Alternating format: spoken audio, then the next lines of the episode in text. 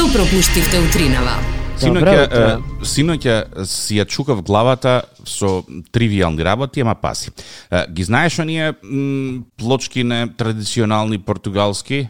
Како на надворешна фасада на куќите што се или? Да, што се во разни бои, разни Како шари. многу малечки ситни коцкички, ситни, ситни. Во различни големини ги има, да, ги има Добра. од најмала коцка сантим на сантим до 30 на 30, значи зависно од Добра. потребите. Е, Вчера си ја чукав главата колку плочки со димензија, односно колку квадрати може да покријат плочки со димензија м, 15 на 15 сантими во пакување од 46 плочки. Вау.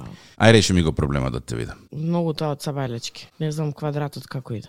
Е, ајде де, 15 на 15 сантими е 46 Ајде ти плочки решам- имаш. Колку, па, колку, колку квадрати ќе покриеш? Ајде да ти решам еден друг математички проблем, може? Ајде, Тоест прво ќе го создадам, а после заедно сите ќе го решиме. цел сум уши.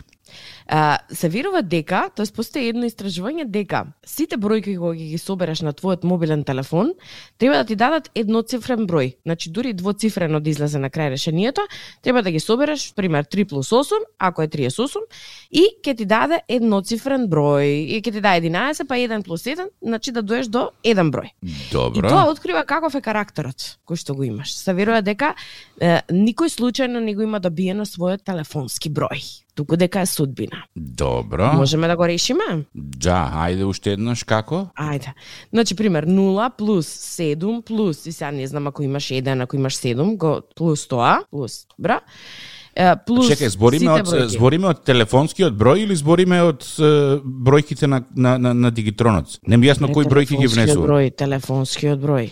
Го внесуваш телефонскиот број бројка по бројка измеѓу нив со плюс. 9 плюс 2 плюс 0 плюс Ау. 0 плюс Имаш ти бројки. Океј, кај мене излезе 35, 3 4 плюс 5 е 8, 7 добра. плюс 2 плюс 2 плюс 1 27 излезе. Е па 2 плюс 7, 9, така? Да. Вели, многу сте самостојни и најмногу сакате да работите сами. У, точно. А чекај другиот број да пробам. Нели? Да. 6 плюс 8 плюс Добро. 6 плюс 7. Седом излезе другото? Да. Не зборувате многу, но секогаш внимателно слушате. Чекај да видам третиот телефонски број. Ајде. Ту, Шест па ти колку имаш? Чекај, 6 плюс 0 плюс 1 плюс 1 плюс 6 плюс 1 Аха. Колку 10. излезе? Е па 10, 1 плюс 0 е еднакво на 1. Добро. Не сакате долги телефонски разговори, секогаш директно кажувате што мислите. Два се точни од трите. А, Толку е, па три броја е- имам. Три броја Да, е имам. па тој што е на со седмица што ти излезе, тој да го да го мафнеш. Не ти е Да, тој. ми е, да, видиш, па тој е врзан со Македонија. Мафни го. е сега, додека вие го правите ова, нели? Додека правите математики и го заморувате мозокот, ние ќе ги е, напишаме на Facebook е, сите девет решенија, доколку нели ви излезе вака или така. Па баш ме интересира кое бројче ви испадна да ни пишете во коментари, дали е точно, дали се одејствува, еве според некој истражување вели дека е многу точно и дека нели баш онака како што е, пишува на крајот, така и, и излегува. Не, не гледам на кафе, ама ако останам без работа ќе размислам и на таа тема, зошто па да не. Инаку, да, многу интересна работа. Мене ми е 8 вели шармантни сте, но понекогаш и тврдоглави, а бога ми некогаш и заморни. Уф, колку е точно тоа, Зорке. Да, е па добро. Значи, чим е точно волку, очекувајте за некоја минута да го поставиме и на Facebook, па сами прерачунете си, дојдете си до решението. Ме интересира колку на вистина ве одсликува ова решение. Ето, математички ем создававме проблем, ем го решивме. Добро утро, само што стаса одлична вест. Да. 50 следачи ни се само потребни за да стасаме до бројката од 7000. Што треба ти да направиш во овој момент? Во овој момент треба да отвориш во ташна, да брцнеш, да го најдеш мобилниот телефон, да отвориш социјална мрежа Инстаграм, да не заследиш и е, 50 од вас треба да го направат тоа. Во следниве 10 секунди, веднаш, сега, во овој момент, ајде. И, и можност ти да бидеш дел од историјата и да станеш нашиот 7000 ти следач. Дали ти Не, ќе бидеш треба, тоа или не не? ни требаат 50, ни требаат 38, 36. 34, 32, ајде, сега е вистинскиот момент, 29, се надевам, Не знам више колку се. 28. Ми се збрлава Инстаграмот. Математиката оди, дали ќе стигнеме до 7000. Тик-так и Зорка на Инстаграм, многу сме близко, многу сме близко. Запни Чекај, сега, чекај, машки. 16, 16, не, не се ни 16, 11 се, леле, леле, леле, 8. Кој ќе биде нашиот 7000 ти следач? Ги гледаш имињата? Ева го 7001. Кој е? Кој е број сега. 7000? Заслужува јавно да се спомне. Стој, почна рацете ми се тресат. Возбуда е тоа. Зорке. Адреналинот на победата е тоа. Слушај, ја и ти да водиме бинго, па мене ќе ми спопаѓаат топчињата, не може, многу напор ми направи. Ова сега, сега тоа, чекај, полека малце, че, ехе, 7024, и сега не видовме кој е 7000. Ај, одследувајте сега до, до, до, Не, не, не, не, не, не, добро е. Само следете, стасавме до 7000. Тоа е битната. 7000. Е, по повод 7000, некоја песна. Стаса порака од менеджментот да видам што вика. Поради успешно постигна таргет во шестиот ден од месецот, е, таргетот за е, март 2024 ви се покачува на 9300. Се, нов таргет имаме. Да. А, Знаеш што не беше дека грешкава? Го, го, го, го, многу брзо го фативме таргетот. Требаше да го тегнеме ова до, до крај на, да, да, до крај. на февруари. Ајде дечки, само уште 6 души. Ајде дечки, уште 3,5. Како бе 3 бе така, 3 едно помало до, дете. до, до 9300 колку има 2300?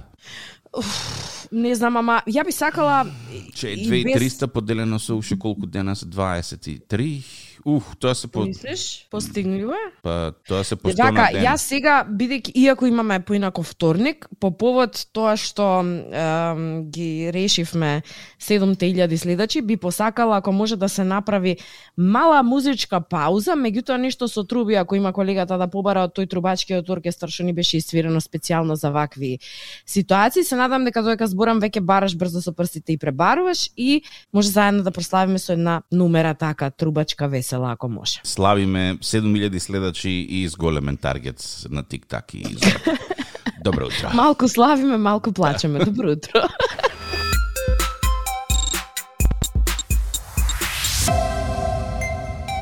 Тик так, кој ќе ги собира овие конфети? Е, од, до, каде стасавме со таа работна ударничка акција?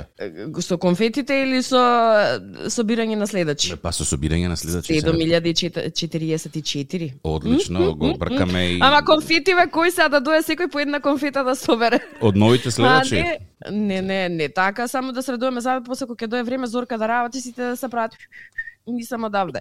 Не, не, не, да дое секој по една конфета да собере ич. Да, има многу прирачници во животот кои што може да ти бидат корисни за разно разни ситуации. Имаш прирачник како да се снајдеш во одредени ситуации, прирачник за бонтон, прирачник за убаво однесување, прирачник за справување со страф и нервоза.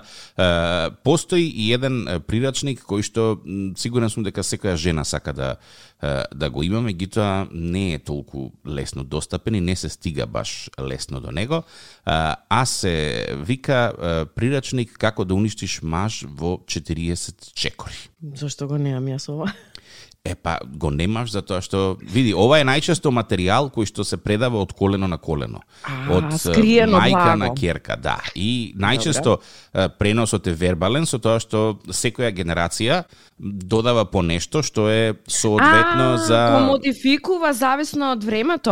Да, Сакаш да, ми да, кажеш да. дека не може, мислам тој генерално веројатно влече корени од, од едни дамнешни времиња, ама секоја година, секоја нова генерација знае да го модификува да биде уште поуспешен. Тоа сакаш да ми кажеш. Да, да. Ова, Вау. ова се проткајува во мојата генерација, значи нај нај оној првичниот внес во прирачникот датира некаде од 1876 година, од некоја моја пра пра прабаба, а ова пред кратко време заврши во рацете на сестра ми, кога се средуваше по дома, се налета на на тетрадка татката, дури мајка ми заборавила дека ја има и тргнав јас нели како mm -hmm. љубопитен петко да гледам што има внатре и морам да ти кажам дека некои од работите е, внатре се фасцинантни. Мислиш функционираат? Е, па од она што можам да кажам, значи се гледа дека се е, генерацијски различни е, некои совети, меѓутоа држи вода. Значи види, е, првото правило или првиот чекор, Добро. омажи се за него. Океј, значи со тоа таргетот е поставен на тој човек, така? Да. И од, од тој момент па натаму, Ау. сите останати 39 правила се е, при, применуваат зависно од потребата и зависно од е, временскиот период во кој што е, е бракот, Не односно да кажи нешто, ќе пукнам од љубопитност. Значи, е, број 1. Обавезно Добра. спомени дека тој не ти е ниту прв, ниту стоти. Добро. А, следно нешто, направи љубоморна сцена кога за тоа нема баш никаква причина. Ау, ау, ау, ау. Добро. Ако си љубоморна и ако имаш причина за љубомора, остани потполно ладна Значи да не реагираш. да не реагираш. Ау, ау, ау. Следниве две се контрадикторни, меѓутоа, очигледно, според е, жените у, у моја фамилија работат. Вели, кога сака секс, одби го. Добро. Кога не сака секс, качи му се на глава. Добро. Сите пари што ќе му ги извлечеш, обавезно потроши ги на глупости. А, полупознато, добро. Гледаш, значи, се пронаоѓаме во, во овие мудрости. За жал да. Добро. Зошто за жал? И па за ова дека парите ги трошам на глупости. Добро. На апсолутни глупости. Жално е кога ќе видиш на крај што си ги потрошил. Постојано кажувајте жално, му ама- како неговите пријатели се поуспешни од него. Ау, ова е многу страшно. Да. Добро. Кога сте сама со него, потрудете се да изгледате како чудовиште. Добро. Ако сте во да друштво на. Ако сте во друштво на повеќе мажи, секогаш трудете се да бидете во центарот на вниманието. Не, чу, добро. Роди му само едно дете, доволно е. Добро. Многу друг битен момент поврзано со ова. Името Аха. на детето е многу битно. Тоа треба да биде некој од твојата фамилија. Ај, ај, ај, ај, ај, добро. И не заборавај, мама е твојот најдобар пријател. Ај, па не да го уништиш. Чекај, ова е само загревање. Значи кај мене кај мене, кај мене жените се змии. А, кога ќе дискутирате за неделниот ручек, прашај го што сака. А откако ќе одлучи, спреми нешто друго. Ау, болно. Добро. А, немој да се смееш кога е расположен. Направи некоја морбидна фаца. А он се смее ти намрштена си. А ако не е расположен, окези се од уво до уво, Зорка. Добро. Ако си домакинка, јок. Значи мораш да работиш на работно место каде што не е прецизирано работно време. И да те нема од сабаља до вечер. А, у, добро. Добро. А, организирај му чести физички активности од типот промена на мебел, нов распоред и слично. Ако те одбие, направи го сама и после качи му се на глава дека си окилавела поради него. А, у, мајко, мајко, добро. Да. Опасни се овие совети, ве молам, не ги подзапишувајте, после да бидеме криви за нешто. Добро? А, биди многу строга и сите негови погрешни потези, баш како вистинско злопамтило, запиши ги во тетрадка пред него. Ау, ау, ау. У истата тетрадка пиши ги и сите работи што ќе ти ги вети, за да може да се подсетува на нив. Ле, ле, ле, ле, ле, ле, ле, ле, добро. А, секогаш прераскажувај му ги сите детали од работа. Сега ако ќе одиш дома за ќе ќе кажеш ја и тик-так са бајле и од поново емисијава. да раскажам. Да. И јас се смеев. Ха, ха, ха, ха. И па тек те гледа добро. Затоа не му дозволувај Аха. да ги раскажува дешавките од неговата работа. А, многу е злобно, добро. А, Само те поздравам, имаш поздрави од слушатели, вели тик-так има жолт картон со тетрадка откажа извади. Зошто? Па даваш совети. Ако слушаат во пар, мажот само гледа дали не Чекај, ова е многу битно се. Додека детето ви е мало, оставајте го кај неговите родители на чување. А кога ќе порасне, тогаш исклучливо кај твојата мајка со коментар дека неговата мајка не знае добро да го воспита. Ај, ај, ај, ај. Опасно многу. Секогаш има и на ум дека добар развод е подобра варијанта од лош брак, но дури откако ќе се најде замена. Значи, ова истото важи како и за работата. Не ја остава старата додека не најдеш нова. Не знаеш нова, добро. И најбитно, запишено од некоја прабава, важно, овој правилник не го применувајте ако вашиот маже погруп, може да добиете ќотек. Ау, добро. А од друга страна со забелешка, што прави паметна жена како тебе со таков маж? Е, од колено на колено ведиш предавано, а? Да, од Само на жените во 1876 година, еве, нешто можеш да научиш од Право да ти кажам, некои некои од советите и така страшни дури. Дури Зошто? страшни. Не, овие не, не се Па, сите, не некој знам. извадив. Се се сочувствувам јас со машкиот дел од твојата фамилија, жално некако ми дојде многу. Затоа гледам сите слабички пропатени во животот. Леле. Спремни сме на се, Зорке, спремни сме на се. Мора човек да биде спремен на се, така си. Океј, овие совети не ги применувате дома. Добро утро. Добро утро.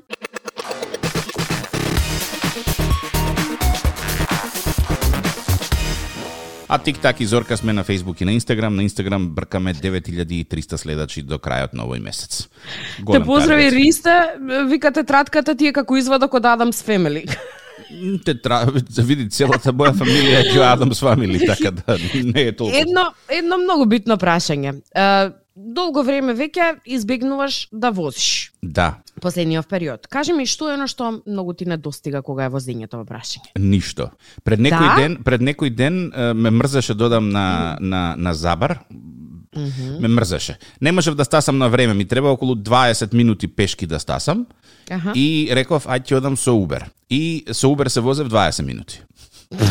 И поентата која е, ем си плати, ем не стаса на време. не се сав на време, да. е. Ем Значи, се... ми кажеш дека, добро, јас знам дека овде секогаш кога имаше можност ти да не возиш, не возеше. Знам неколку пати дека јас сум те носела до работа и назад.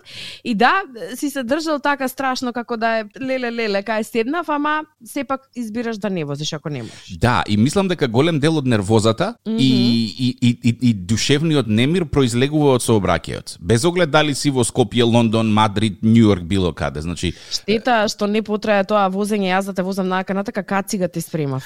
За дека се возиме заедно во дали да беше по американски стандарди од безбедници Значи, или од многу беше убава, многу, за да ти биде безбедна главата, што ќе правиме? А ти беше многу потресен кога се возеше на кај мене на сувозачка. Си што викам, чекај ќе му купам кацига, че да му стои вака во кола. Тик-так. За твојата глава да е безбедна. Не, шала на страна, друго сакав да те да те прашам. Дали си забележал како новиве производители на автомобили од година за година или да речеме месец за месец измислуваат разноразни начини како да ни го упростат возењето. А возењето генерално е многу просто. Пратиш сообраќајни правила и гледаш кој има предност и се однесуваш во сообраќајот онака како што треба, значи не како што ќе ти текне. Добро. Значи, имаш само управувачки автомобили. Да, имаш само Имаш управувачки автомобили. полуавто Полуавтономни. полуавтоматски, па не знам, имаш нели овие како се вика безменувач автоматски. Да. Ја не знам тоа како изгледа. Автоматски, не рачни, автономни, неавтономни, разно Се што се случува, да, оди во поглед на тоа да ти го упрости возењето, кое што како процес би требало да биде веќе прост, но во смисла самиот автомобил одлучува, па ти сигнализира и така натаму и така натаму. Најновото достигнување кое што наскоро треба да излезе е автомобил кој што ќе се управува со очи, односно некоја си функција наречена Active Lane Chain Assistant, каде што е вклучена и потврда за очи. Не знам како се потврдува со очи, вајда, мхм, вака, горе-доле. Два пати да трепнеш треба, Или да. два пати да трепнеш, со што се додава уште едно ниво на полуавтоматско возење.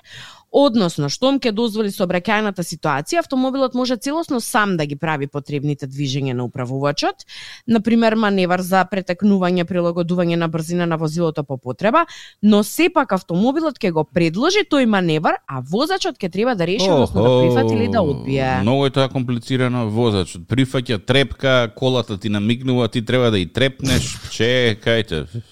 Знаеш Мислам- кога кога ќе почнам да да возам такви возила?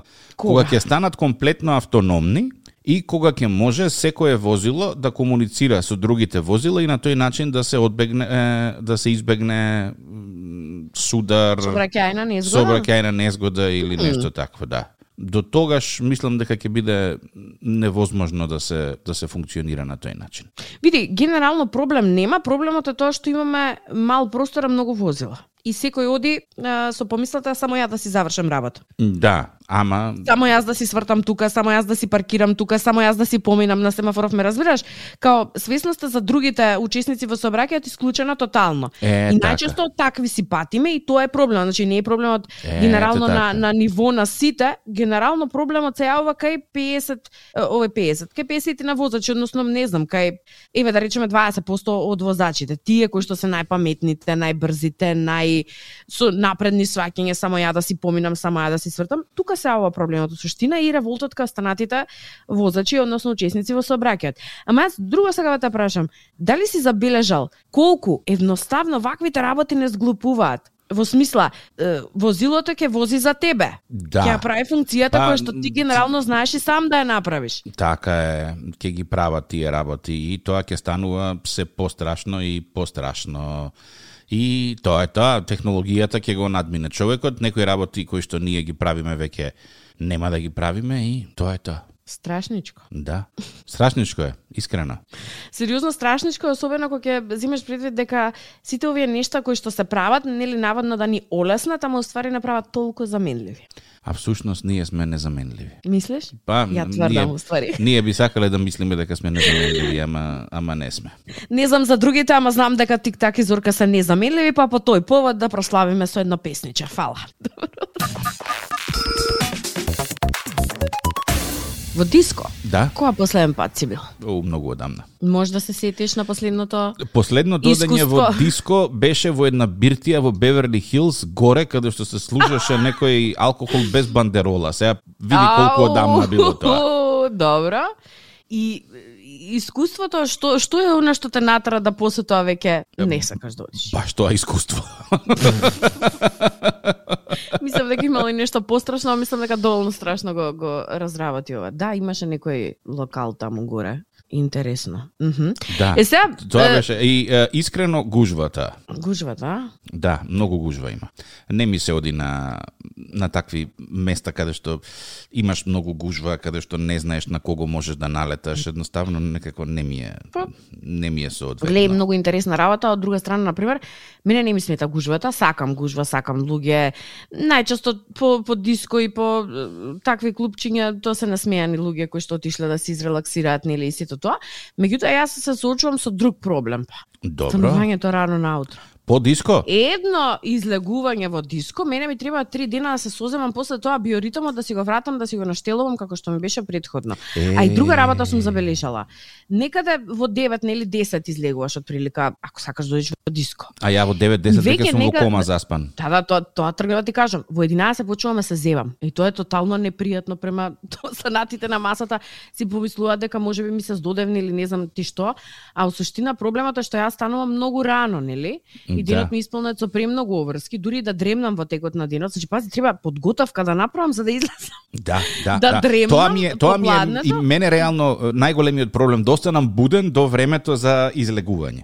Да се Нема шанси. нешто нормално на матине 6-7 попладне, дока и 10 фајрон и да си легнам. Ама вака човече да, да негде околу 10 ми доаѓа таква сладка дремка. Си кажат во 11 се наоѓаме. Да. Хај сега во 11, знаеш. да Готово се- 11 веќе јас и, и пудра ќе расипам и солзи ми течат за спиење и тоа е, сакам да ти кажам, немам толку. Например, во моментов каде што сум, знаеш, во, на локацијата каде што живеам, најчесто петок, сабота и четврток, па и недела никогаш знае, Па од близина се слушаат многу разни дискотеки кои што фршти музика до, до гласно до, до раните утрински часови. Немам проблеми да ја слушам и да ја поднесам, ама знаеш понекогаш секам леле да сум сега таму при песна некоја ми се погодила леле колку би сакала и после ми текна на сето тоа друго. И викаш, Оу, за да не, бидам таму, да требаше да дремнам, требаше еден саат да се спремам два. Па следниот ден ќе ми биде тешко, па наредниот ден ќе ми биде уште потешко. Па не дај Боже една чашка плюс од тоа предвиденото, значи до, до линија, до граница, ако се напиеш готово, не можеш да се опреш. И веројатно освен како мене и тебе има и многу други луѓе кои што страдаат со проблемот на изместување на биоритама тако излезат да речеме навечер еднаш, два пати, три пати, пет пати. И многу интересно во Велика Британија млад брачен пар, млад, така колку нас да речеме, Вики и Џон дошле до идеја да отворат прв дневен нокен клуб. Извини, мала дигресија, од кога нас не, не, не ставаш во категорија млад брачен пар? Мислам, ние далеку и покрај млади и покрај брачен поминавме. Ама добро е тоа што си се тешиш така, млад Ма, брачен ти пар, се, да. Шо, стари, Со да три деца позади тебе, млад брачен пар, вика ја. Па да не сме престареле, што? Ау. Јас на прак да станам дедо, ти со три деца млад брачен пар, вика. Па млад брачен Ако пар, нешто па ми го што? разубави утро, тоа е тој коментар. Нели? Што пие кафана за коментаров. Не, друго сега ти кажам, луѓето значи си решиле дека има многу луѓе кои што реално сакаат да уживаат во музиката, во амбиентот, во просторот, во забавата, меѓутоа дека има сериозен проблем станувањето рано наутро, веќе следниот ден. И рекле, окей, ај ќе направиме експериментален ноќен клуб кој што ќе работи само преку ден Добро. или ќе биде дневен е, диско клуб. ajde, tako nekako da, da rečem, i eh, iznajmile prostor, go obsmislile kako идеја како журка, објавиле кој се ќе биде нели таму присутен, односно кој ќе пушта музика, каква ќе биде агендата и така натаму. Картите се распродале за 48 часа. Леле. Што ти кажува ова? Дека постои огромна дупка за нешто такво на пазарот. Па постои и тоа рачуне зборуваме за Велика Британија. Сега кај нас имаме некои си after work журки, ама не се ни, ни одблиску нели е, ноќни излегување или излегување во затворен простор кај што музика оди и така натаму. Например, ја не сум баш секогаш љубител на турбо фолк и не баш се наоѓам на тие after work журки, ама и те како многу ми се оди да речеме во некој сега не во ова стање, ама секогаш после за година, година и пол би сакала да отидам, а следниот ден да немам проблем со извршување на сите дневни обврски. И она што е многу интересно е дека а, Вики и Џон, кои што нели имале ова идеја и ре, ја реализирале во декември, веќе имаат направена агенда во кои градови ќе се појават, значи тие не го отвориле како клуб целосно, туку изнаемуваат дискотеки кои што нели генерално така и реално не работат Дремат празни во текот Да, на и си на направиле тура и си направиле агенда и она што е уште поинтересно е дека дел од турите, добар дел од турите, односно од агендите, односно од настаните каде што ќе бидат, веќе се распродадени. Машала. Дали сме ние таа генерација која што сака да оди во диско, ама и се спие после 10? Сме. Ја мислам дека таа сме.